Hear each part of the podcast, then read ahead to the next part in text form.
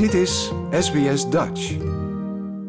Nog een paar weken en dan is het weer schoolvakantie. Veel families grijpen deze twee weken aan om te genieten van de sneeuw, of juist de kou te ontvluchten door naar warme oorden te gaan buiten de Australische landsgrenzen.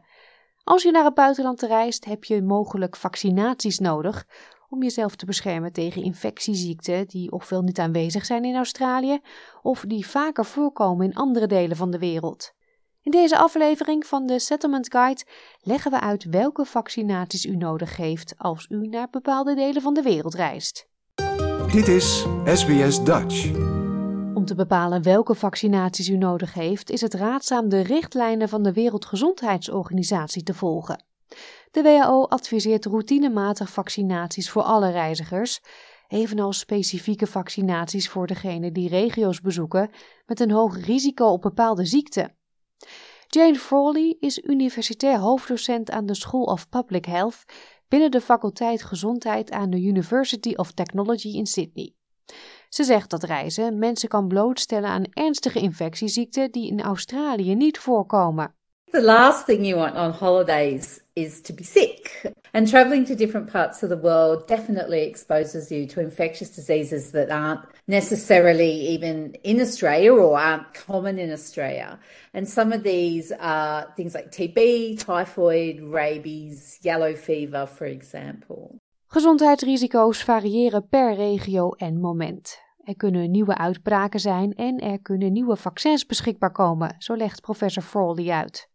Other countries around the world have diseases that are much more prevalent and sometimes endemic to that country, which means that those diseases are entrenched in those countries. And these can be diseases that, that your body and your immune system may not have ever seen before. So having a vaccine is really important so that if you do come into contact with it, you'll be protected. Australiërs die naar het buitenland reizen hebben vaccinaties nodig afhankelijk van de bestemming, het land en de verblijfsduur. Het inwinnen van professioneel medisch advies zorgt ervoor dat u advies op maat krijgt op basis van bestemming en specifieke gezondheidsbehoeften.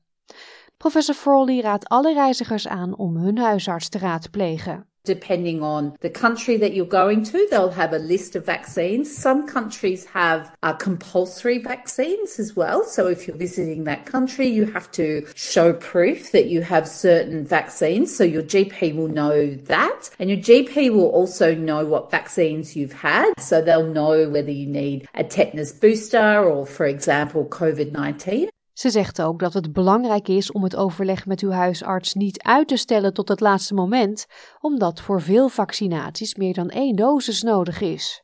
A lot of people forget about vaccines until they're about to go make a quick appointment with the GP, but often it's too late. Vaccines take a little while to get into your system, for your immune system to mount a response, and so therefore for you to be protected. So at least six weeks at minimum, but preferably around 12. So around 12 weeks, three months before you're thinking of traveling Professor Nicholas Wood, een expert op het gebied van klinische vaccinologie aan de Universiteit van Sydney, benadrukt dat de specifieke vaccinaties die u mogelijk nodig heeft, worden bepaald door verschillende factoren, zoals gezondheid, leeftijd, levensstijl en beroep.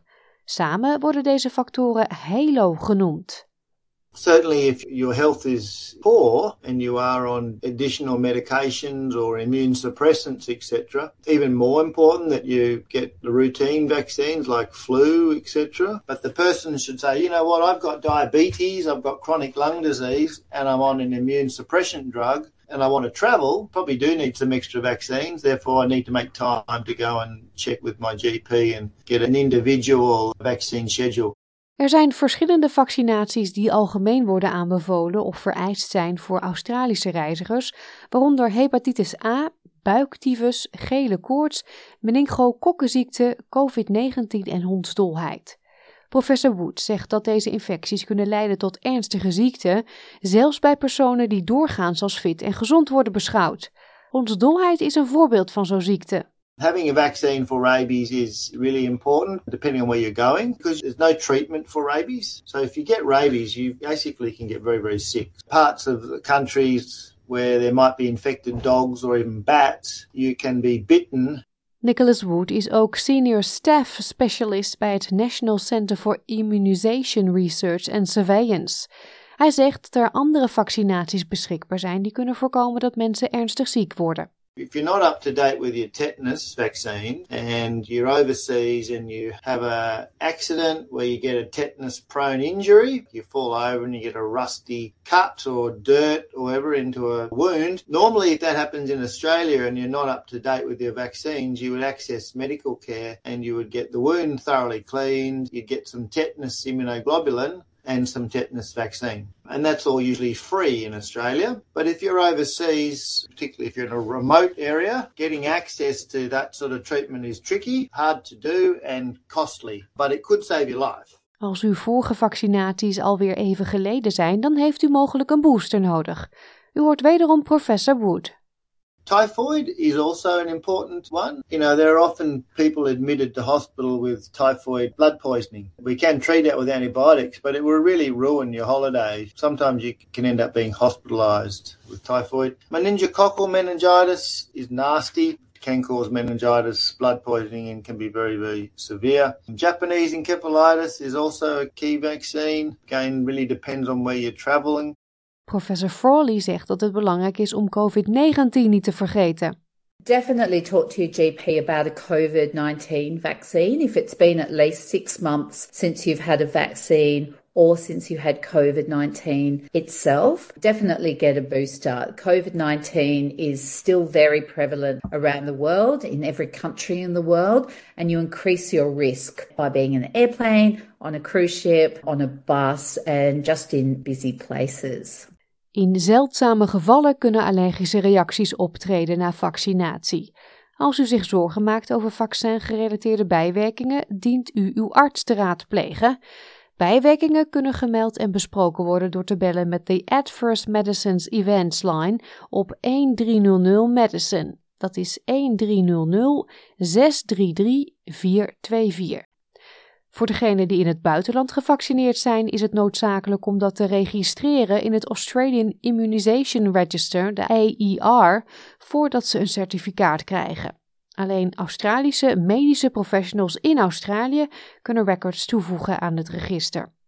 U kunt uw huisarts of andere medisch specialisten om hulp vragen. Deze settlement guide werd samengesteld door Chiara Pazzano. Like, deel, geef je reactie. Volg SBS Dutch op Facebook.